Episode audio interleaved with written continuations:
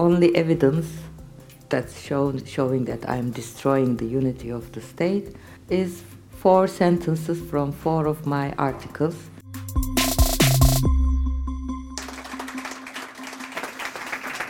I suspect that uh, uh, uh, many of us in this room uh, would see what's happening in Turkey as a very complex uh, set of issues and maybe hard to, to understand.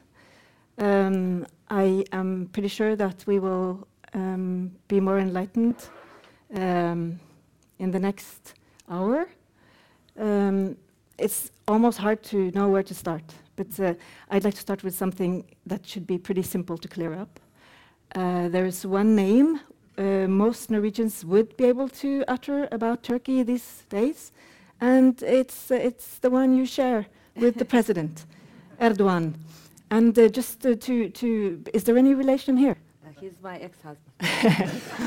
I, I, keep his last No, it's, uh, Erd Erdogan is a very common name in Turkey. It's, uh, it means born as a man, uh, and many, many families have taken that name in the 20s when the Turkish families had to have a last name. Before, actually, in Muslim countries, it was not a tradition to have a last name.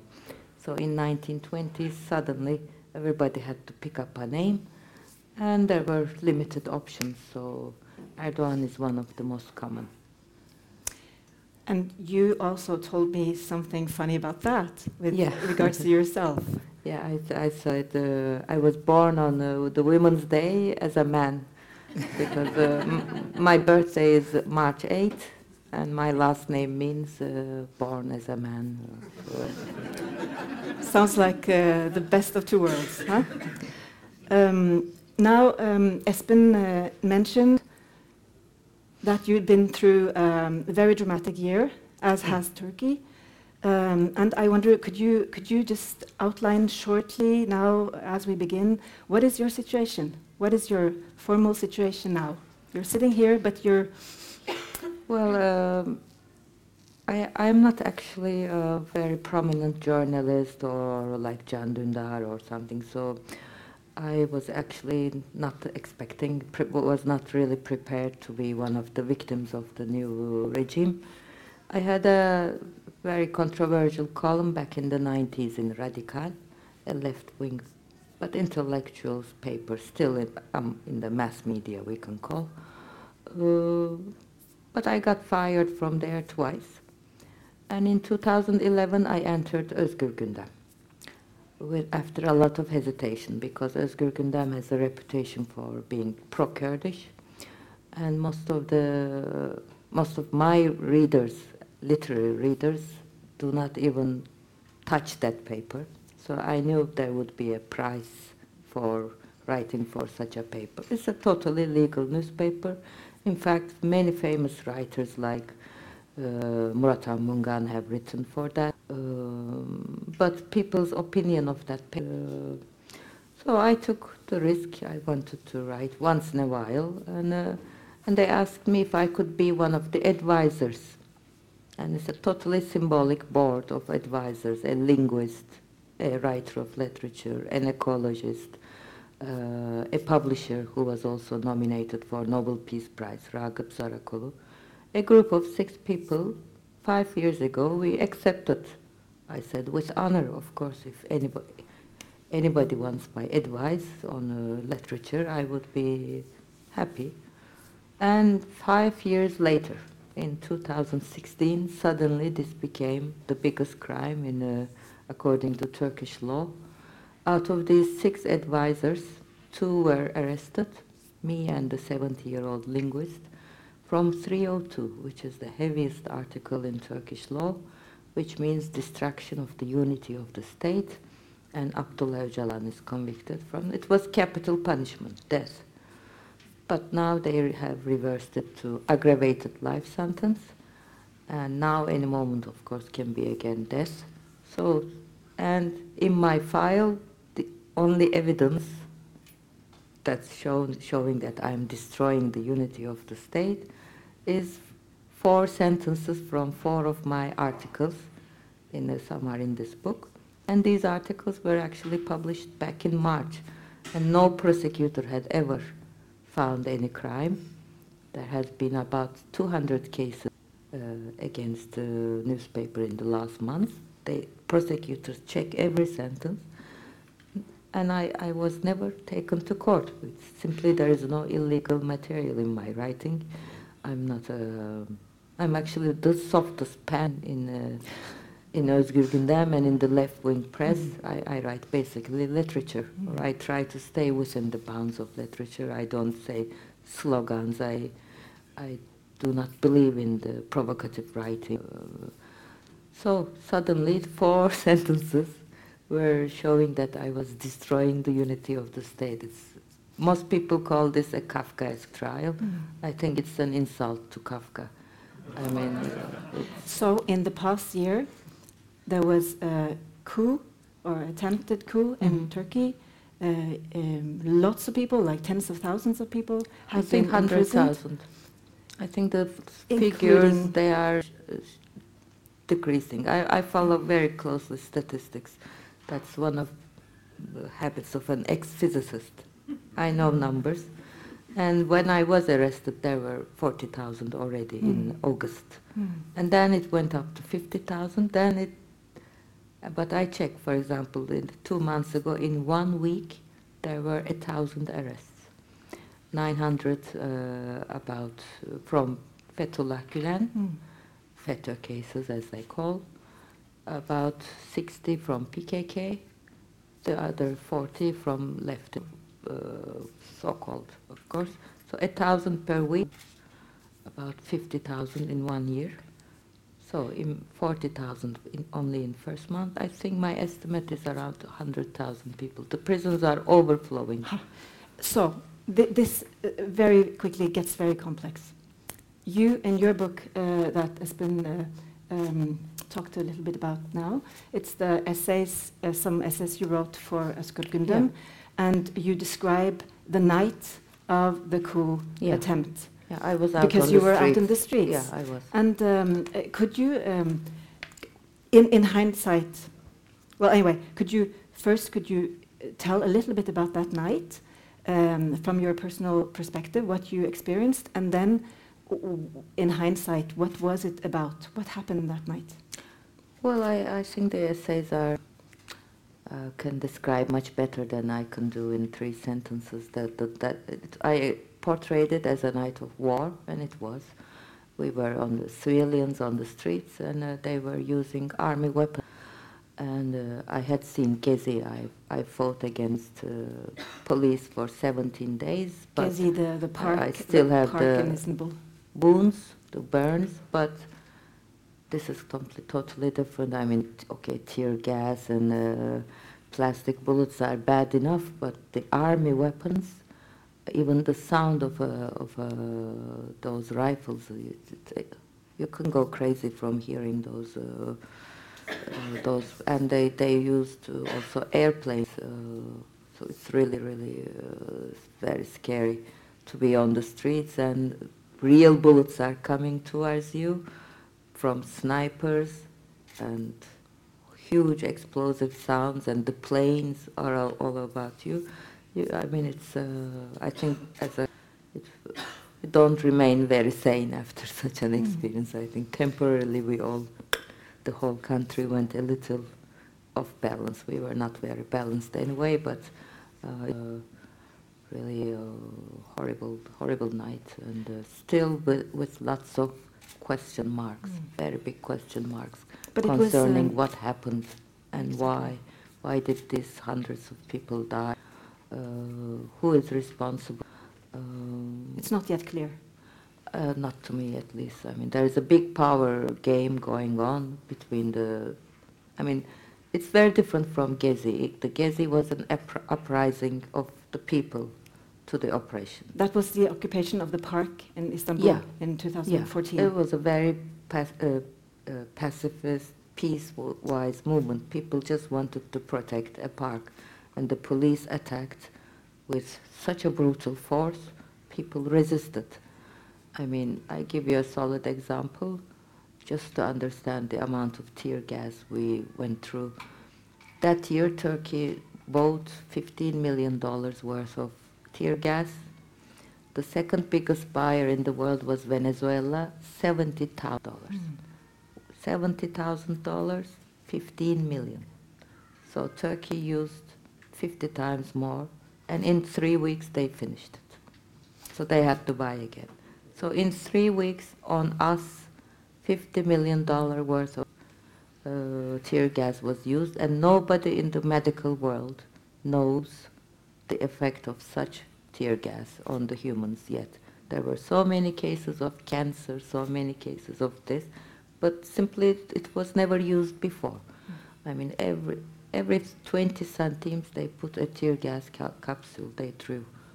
A tear gas capsule fills this entire room with gas within 10 seconds or so. Imagine to this room you throw 50.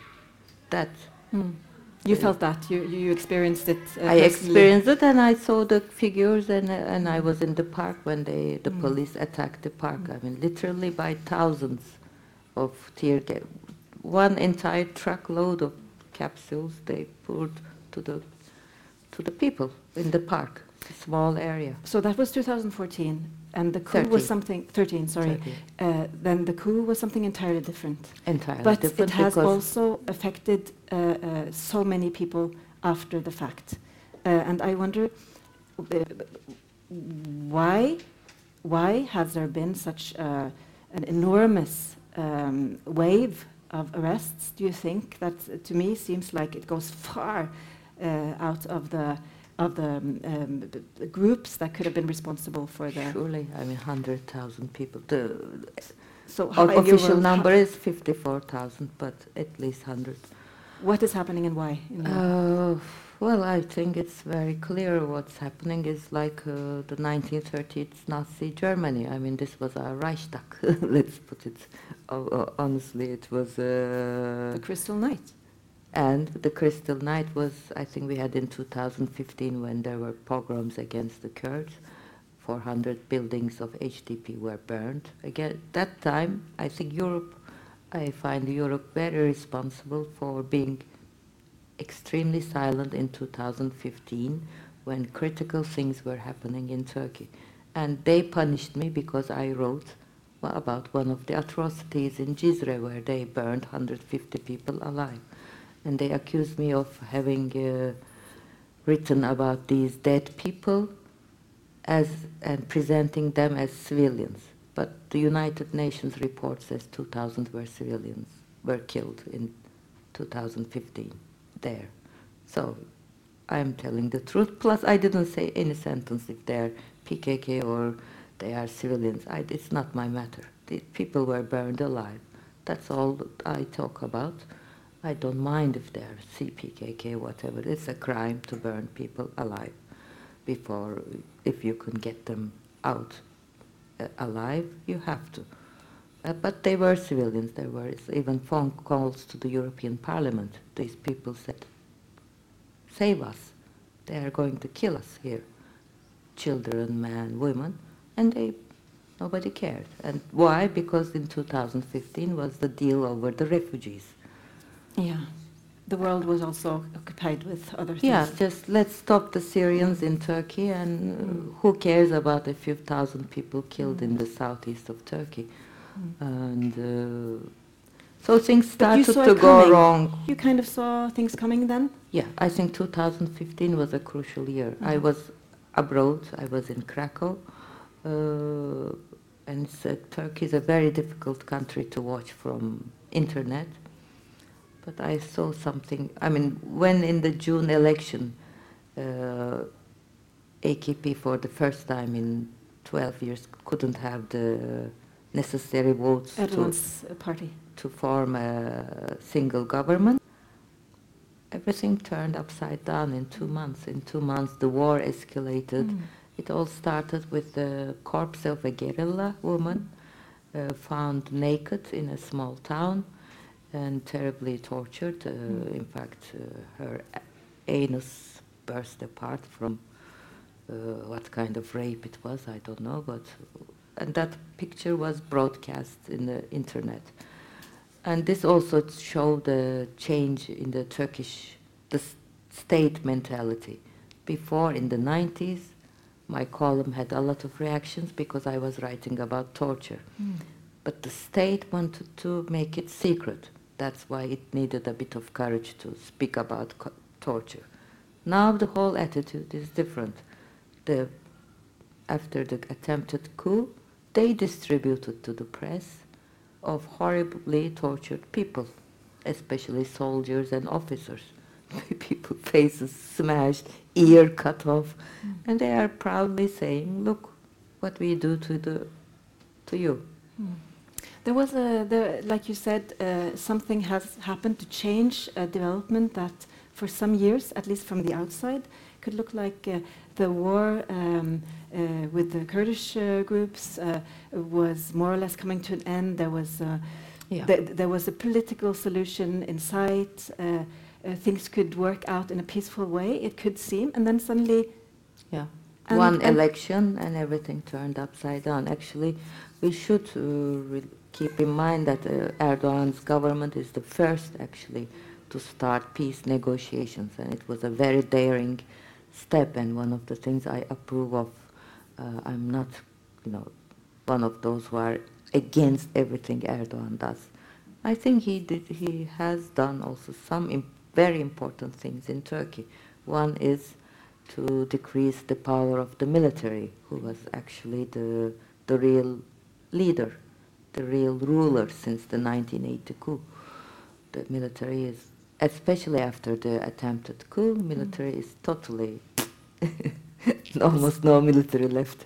but then how do you explain the fact that uh, the war is again ongoing? I don't know really from June elections to what happened between June and August in 2015 that everything that was built very slowly the peace process which I sort of assume myself among those people. That's why I write in Özgür Gündem I think people like me who are not Kurds who are not uh, from the political HDP who are more neutral who can if we we could be bridges between the two polarizing things. And so all our efforts in two three weeks was gone gone But it was the year after last year uh, that the coup attempt happened, and a month after that, what happened in your apartment?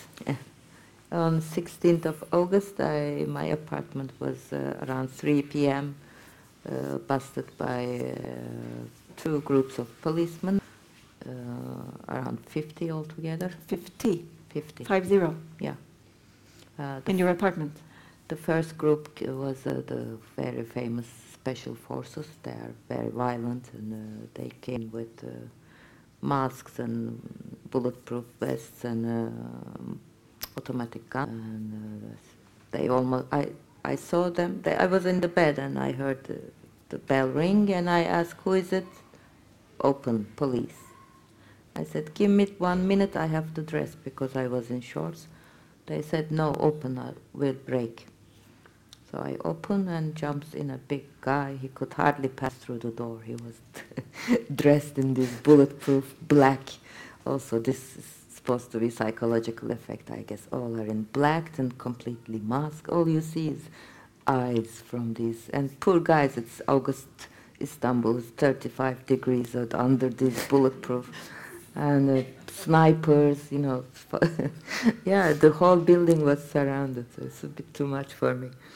And then they came in, then they make a big mess in two minutes, then they go out, some of them remain. Then comes in the second team, which is the anti-terror team. Uh, they are not masked, they are dressed civilianly, and they, they say, uh, Aslı Erdoğan, yes, you are under arrest. And, then they searched my apartment for seven hours. As they searched about 4,000 books one by one, and every paper, everything turned upside down. And but after a while, they got tired, so they didn't.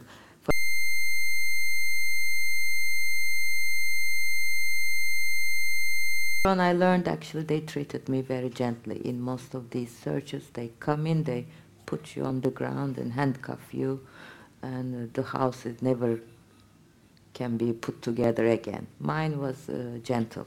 I mean, it was a huge mess, but still, I, I didn't lose my uh, things we could put together after uh, my cleaning lady, my mother, Mm. two or three cleanings. Nothing was very much lost, but otherwise, when they want, they break everything apart. Mm. To me, it was gentle. I You said uh, you said that you were sleeping in the afternoon, and that was also you s- explained to me what was the reason why you were sleeping in the afternoon. Yeah, yeah. I, I, ex- I, I saw, I noticed the police following me on Friday, and I called my mother and I said, let's be prepared for the worst. This is, they are too close. Uh, this is a sign they will come. Uh, and my mother advised me to go to her apartment. And I, I think I made a mistake. I wanted to remain in my own apartment when the police comes because uh, of my writing. I write by hand. So there are tons of paper, and if I were not in the apartment, they would destroy it all. So I wanted to, and I thought I trusted too much my innocence. I mean, they will come, they will search, I will spend one or two nights in the police station, and I'll be free. There is nothing, no evidence. I'm, everybody knows I'm not a member of PKK. I mean, uh, a writer already translated at that time for 14 languages. All my life is in front of camera. Uh, how could I be a member of PKK? Even if I want to, I can't. I mean, I, as a columnist, they have been watching everything I do for 20 years. it's impossible to be in front of cameras and do an illegal job at the same time. So I thought, just So you sat up in the night waiting for them. yeah, I, I was waiting for them uh, at night, but they came in in the daytime.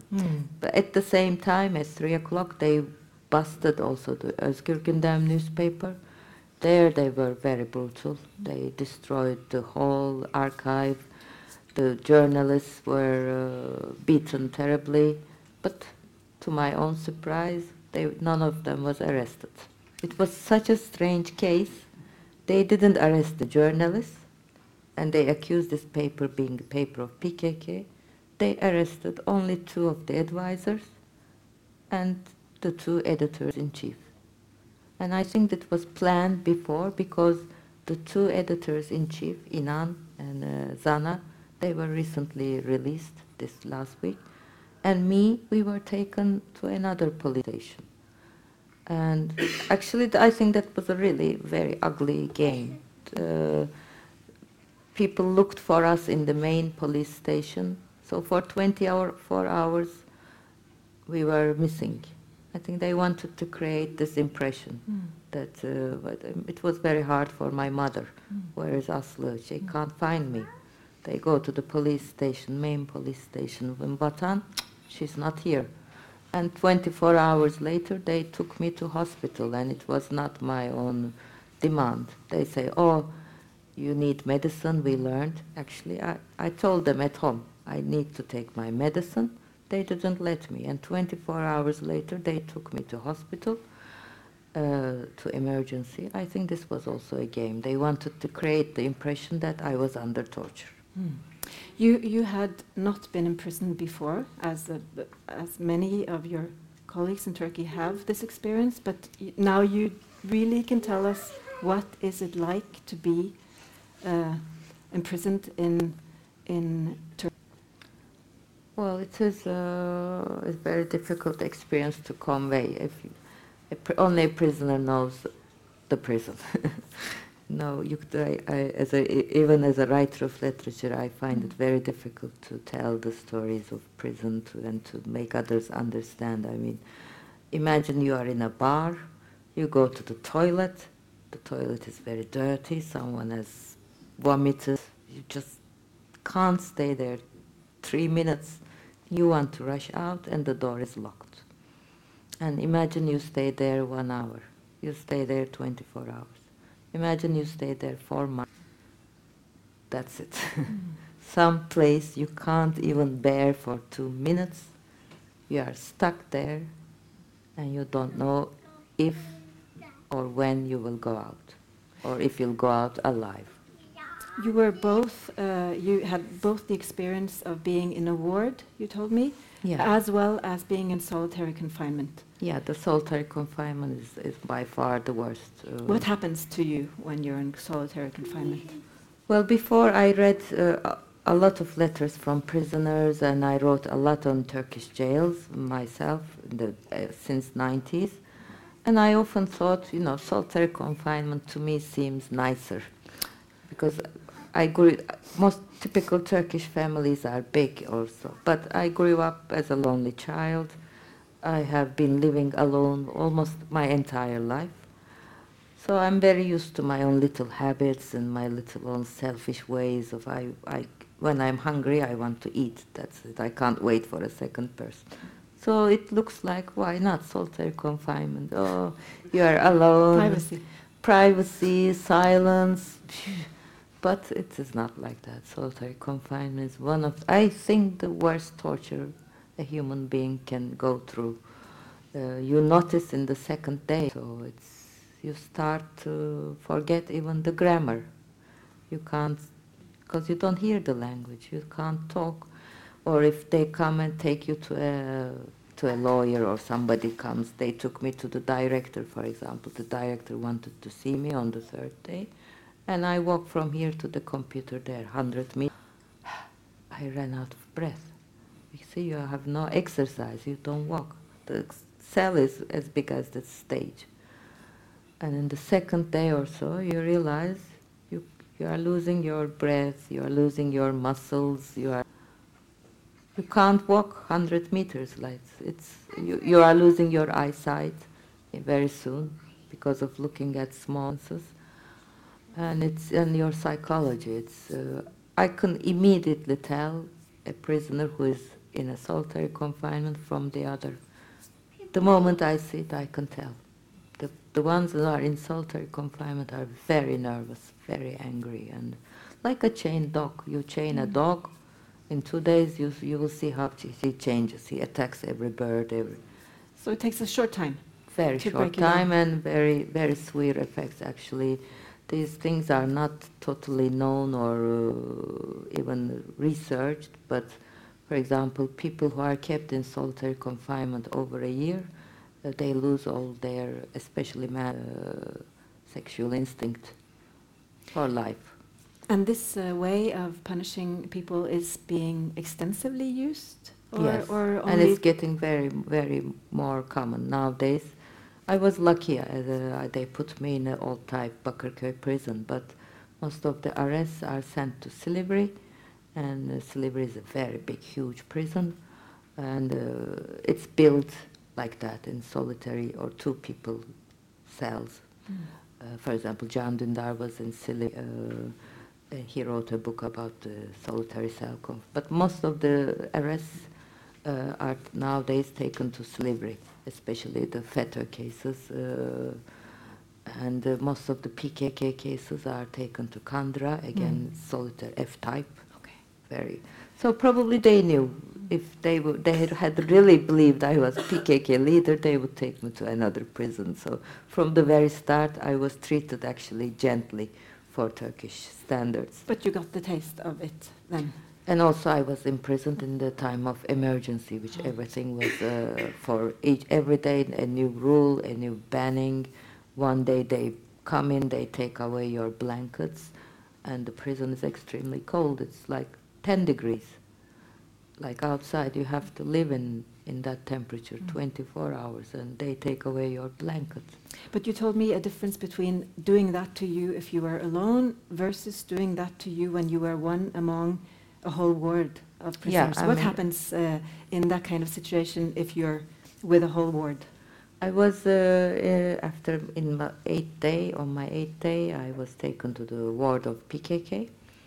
Of course, it's also a little has a, has its own tensions. Me and Necmiye Alpay, the linguist. Uh, it's a new world for us. Uh, we are the only two non-Kurdish women among 22. We don't speak the language, and it's a PKK ward.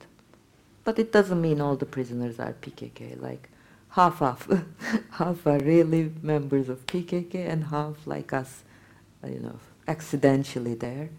You can also see the difference in five minutes. Um but the PKK controls the ward, and they have very well established patterns. They have a long history of jails and resistance. So the guards were actually more respectful.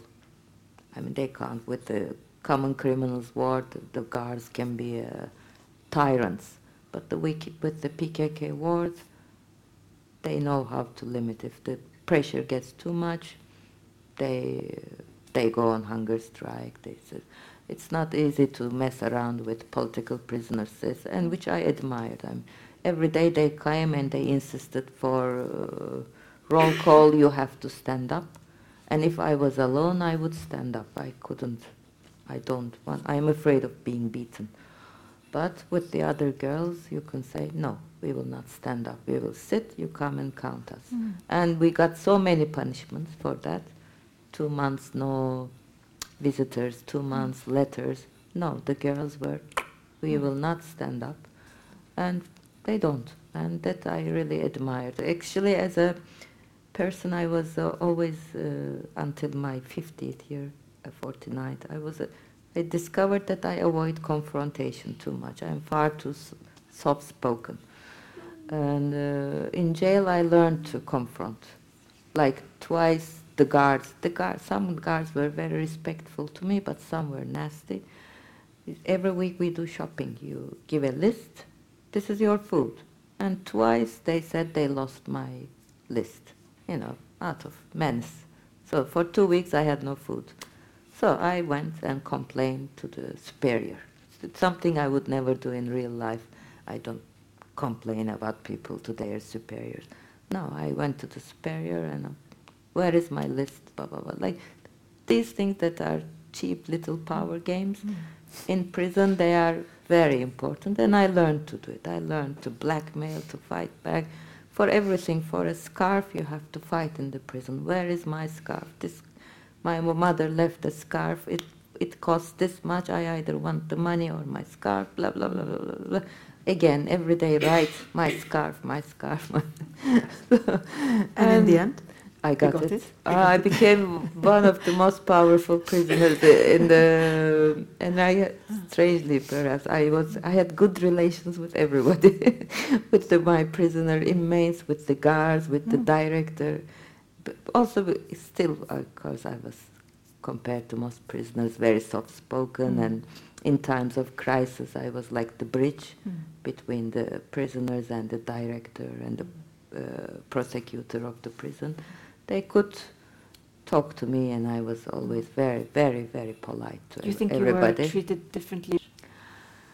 Uh, I think I was treated differently because they realized uh, I'm, I have nothing to do with PKK. Plus, there was so much abroad pressure when uh, the Parliament of Europe, European Parliament, asked my release. Each time uh, when my name was on TV, the prison got softer, mm. and there were also twice a week uh, demonstrations in front of the prison, but also from personal relations, like the, the aunt of the second director of the prison was a fan of my literature. She disliked my column, but so I signed books to her.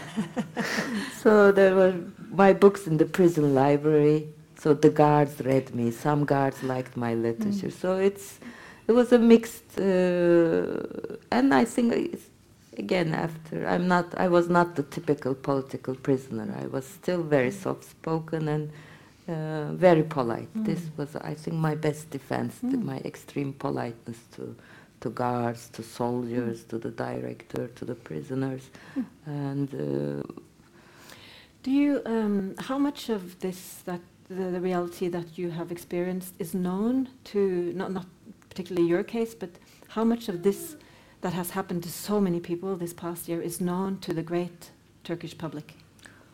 Well, I think Turkish public is quite aware of what's going on by now because uh, they don't perhaps the man in the in a little Anatolian town doesn't perhaps care so much about us Erdoğan. He thinks I'm I'm a terrorist, perhaps. But from FETÖ cases, his next door neighbor is arrested. So many people ha have seen arrests in their near circle. uh, like one of the lawyers of my team, my lawyer team, his brother is in jail from FETÖ, for Mm. example, and the guy is a well-known Mm. poet.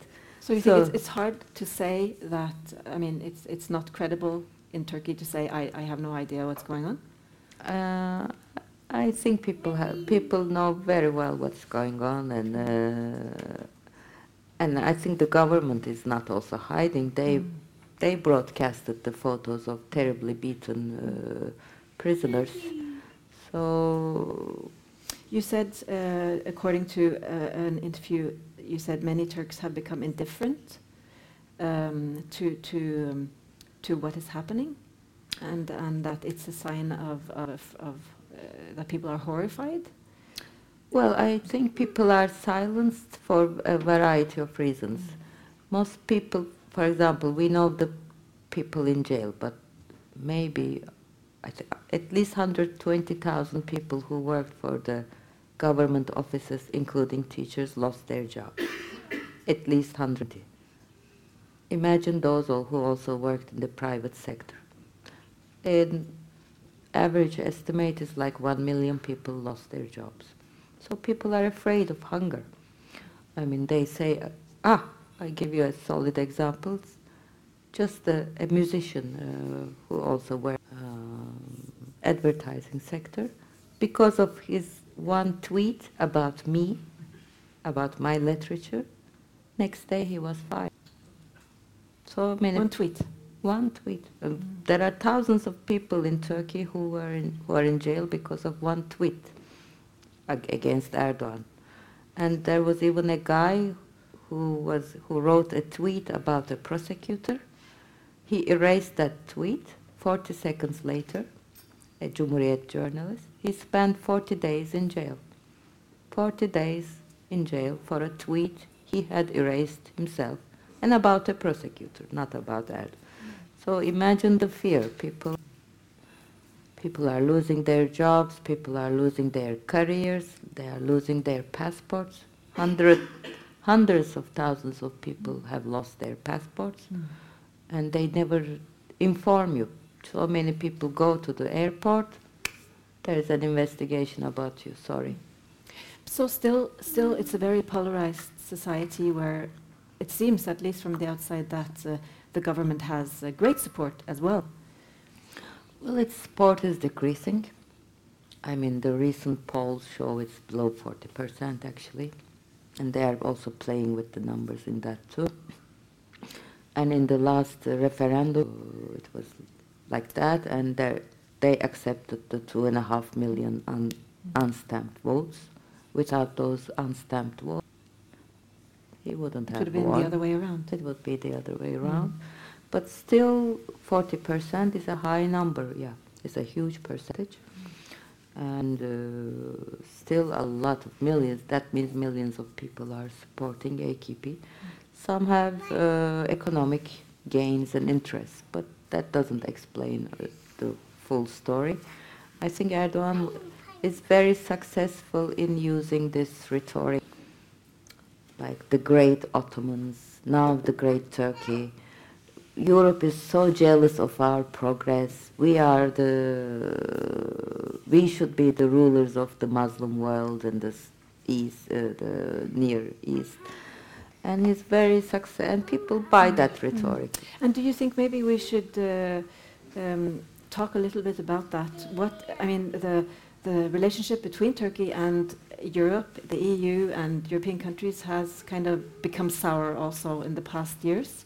And Turkey has been knocking on the door of the EU for a very, very long time.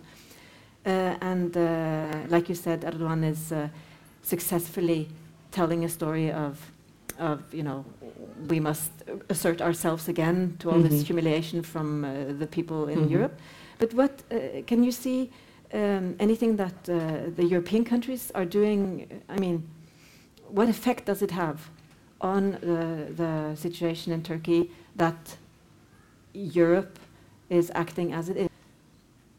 Does it make it worse Well, I for think people, or, or, or is there? Um, I think a great chance was missed uh, in the beginning of this uh, millennium. I, I think Turkey could have been a member, if things uh, were uh, going like the, in the first four years of the Erdogan's uh, ruling, uh, there was really some steps for democratization and opening, and uh, and I don't think uh, those countries that are accepted in Romania or Bulgaria had better standards of democracy. I, I mean, Turkish democracy has always been crippled, but it was not an incurable disease.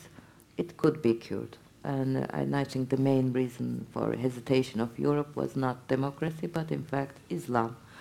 Uh, there, Europe, I think, got defeated by its own. Pre- uh, and I think they got really defeated. I think the Syrian war wouldn't have been in this state if Turkey was already in Europe. But I think this chance, this has been completely lost. I don't think Turkish democracy has anything to do with European standards at the moment. I mean, it's, it's a one-man rule, and uh, and it's much worse than let's say Trump or uh, Poland or this just pop populist right-wing leaders are at a rise. But in Turkey, he's establishing this as a new system. That's the difference between Trump and Erdogan. Trump will go in four years and eight years. Erdogan is doing everything to remain forever. Mm. And that is a, a, crucial and essential difference. There's what can people do? What, can, uh, what, what should we take home with us from, from talking with you today? Is there anything we can do or not do? I mean, I always believed in the European values, or I, I don't know if they are necessarily European, they are universal values of human rights and freedom of expression and I think these are sacred. And you can't just turn your head away while somewhere they are so badly destroyed. It affects your life too, eventually. I mean, Europe, I think, is making a mistake if they think they can build walls and we will have rights, all the rights and democracy here, and we don't care. That this is, and this is actually against the idea of the universality. If you want human rights, you want, you must want it for every human being including the Turk and the Syrian and this and that. If you want it only for Europeans, it's not human rights anymore. We are talking of some other thing. So, and I think Europe has, you know, tried to play the three monkeys far too long. I the don't three see, monkeys. I don't see. I don't talk. Maybe it won't affect us, but no, it will affect. It will. Whatever happens in Turkey or in Syria is coming in other ways, waves, waves of refugees, and plus it uh, it becomes an almost an identity crisis for Europe. I mean, let's sit down and use Turkey as a mirror. Do we really believe in democracy or not? And if you believe in democracy, then you should take your attitude towards Erdogan or people like Erdogan this in this light if democracy is the most important thing or the business deals and all this. And it comes to the point with the Germany, for example, when the, the Turkish government declared 600 uh, German firms as terrorists, including Mercedes-Benz. I mean, in, even in 1970s, the ultra left, we couldn't have imagined such Mercedes-Benz as a terrorist. I, I really appreciate. And then the German businessman had a meeting and they say, we take our investment off. Turkey immediately backed away. They said, no, no, this was a mistake. Mm. So capitalism needs some democracy. Mm. I mean, they need to, to secure your investment. You, you can't trust a whimsical, capricious dictator. You must have certain laws you want to protect your own capital. So I think Germany is now seeing that finally that uh, for the security of their own citizens. I mean, so many German citizens were arrested mm. and used for bargaining. Yes. And uh, I think they, they were horrified, the Germans, because you can't do it. This, in the states have certain rules and laws. We are not mafia. I mean, this is what makes a state a state. It has rules and laws and norms, and uh, but in Turkey nowadays anything can be broken, and uh, they, they can take away uh, a Norwegian citizen and tell Norway, come on, we want this. Mm. Uh, I mean, some ethical barriers, I, I think, are long ago crossed. Mm. In there Turkey. is also the situation with uh, the fact that uh, uh Germany, um, but the EU entered the agreement with Turkey to stop uh, refugees from yeah. crossing into Europe. So yeah. in Germany, um, uh, where I live, uh, the, the, the, the, narrative is that uh, Merkel gave away the keys, kind yes. of, so that uh, they are yes. Uh, very scared that he will not yeah. hold and, to that agreement. Yeah, and he can break it any moment. But I don't think he will, because he's also playing to the to be the leader of the Muslim world. If Turkey does that, they will lose a lot of faith. And now he has also some sort of moral uh, superiority over Europe. Mm. In fact, he always says, "Look, they they are afraid of refugees. I have taken in three yes. million. I'm the." And that's true. Uh, Turkey took uh, almost three million Syrians. Yeah, but if you look at the state they are in now, it's the story is never as white as it's. I mean, there are many many pogroms. Almost every week, two or three pogroms against the Syrian refugees. There are many uh, many tensions and so many of them are left alone. And again, also very many discriminations. The Arabs are treated much better than the Kurdish refugees. Mm-hmm. The ones who came with money are, uh, um, of course, like everywhere, is mm-hmm. a class issue. I mean, the refugee is the actually poor. the, the, rich is never taken as a refugee; is almost a tourist. Uh, so there are many, many. It's, I mean, its streets of Istanbul are full of full of the yes. Syrian rim. I'm seeing now uh, Espen. I'm sorry I didn't see you uh, before. Uh, I, it's you, isn't because it? of the light. Yeah. We can't see anything. So, but so I, I, guess we're at the point where where um, you should be able to uh, ask your question if uh, you have. Uh, but it's really like we don't see anybody. So. Mm -hmm. Yeah, the light straight. Um, uh, turn on the light uh, in the roof so you'll see the audience. If anyone has any questions, just raise your hand and I have a mic. Okay. Uh, hi, I'm Jen from university and I'm studying business leadership. I have a question for Turkey. Actually, Turkey is a very uh, like um, special place. It's in Asia and also in Europe. So in Turkey, there's um, uh, Arabic culture and at the same time absorb European cultures. This is maybe controversial and also between military and government. Uh, sometimes it happens, and maybe this kind of uh, chaos uh, begins because of this um, culture issues. What, what, do you think about this? And for uh, as a culture and a writer, I'm really sorry what happened to you, and also the culture, society, and uh, how you think about in this situation also happens in other in history and in other countries uh, when something is really uncertain and the people really need to choose their side and uh, until things going steady and the people will be open to reveal the truth. So would you please comment on this? Thank you. Mm -hmm.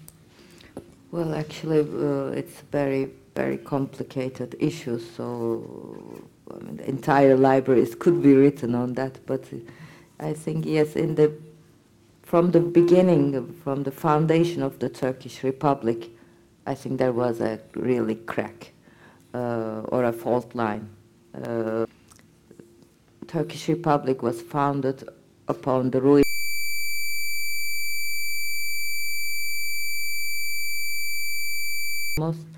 and with a new concept of Turkishness.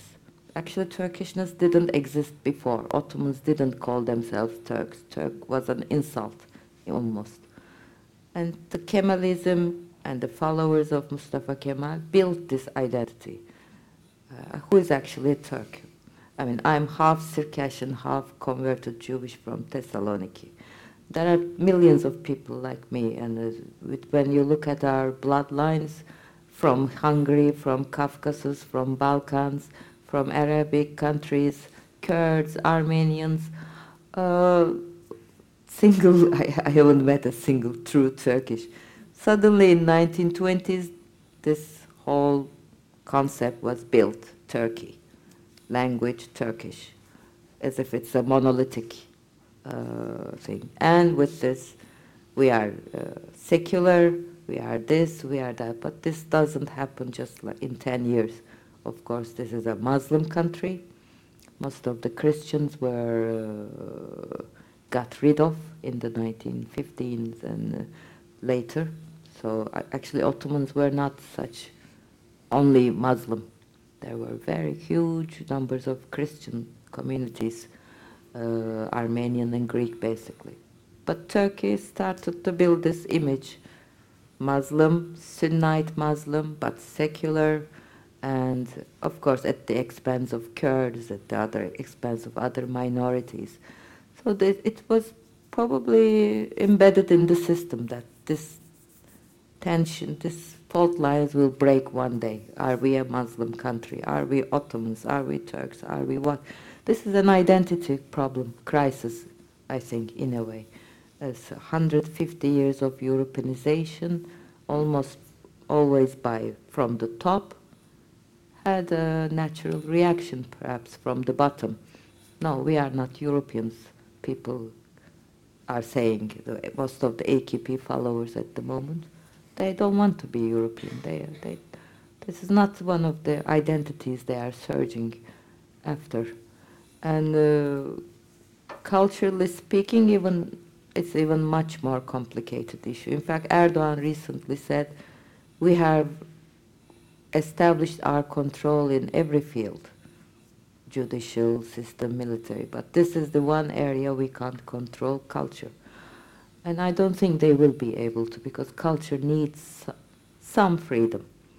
And, uh, and uh, Turkey is, I think, continuously cutting its own uh, tongue, putting one writer after the other into jail, one after the other. An exhibition is uh, attacked by crowds because of nude pictures. And this hundred years of culture, Turkish culture, we hardly managed to, you know, put one stone over the stone, is, uh, I think, going to pieces. And uh, like I would compare it to the Nazis. I mean, the German culture was at its peak, beginning of this century. They had music, the sciences, the philosophy. Imagine the 12-year damage. And I think such damages, or the Russians. Imagine the Russian literature before Stalin and after Stalin. I think the totalitarian regime's real damage is there, that uh, they destroy the culture and the human soul that has created that culture. Uh, and I think Turkey will pay a very, it's not just putting into jail Aslı or this or that. We have imprisoned 170 writers in the Turkey. Uh, and we pay the price. Turkey has very good writers, but where is Turkish literature in the world? You know a few names, but we have such a long tradition of literature. And why is it so silent? Because we cut it ourselves, cut the tongue. If you imprison 170 writers in 100 years, there is a price for that.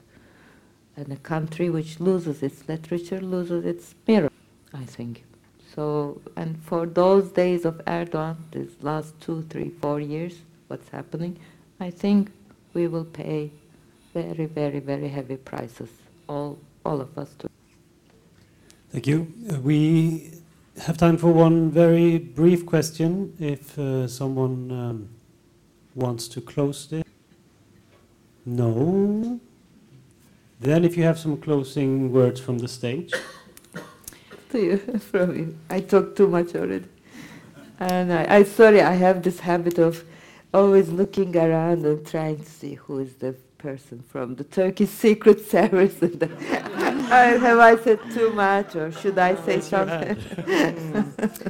uh, well, I had uh, two pages of questions for you, but I don't think it's time to even pose one of them except maybe uh, this. You've been to Norway mm, several yes, times. Yes, my three uh, books were published here, and in yes. each occasion I was to also Stavanger, Lillehammer. So why don't you tell us? Uh, I mean, we love to hear about ourselves too. Do you? do you? Uh, how do you find Norway?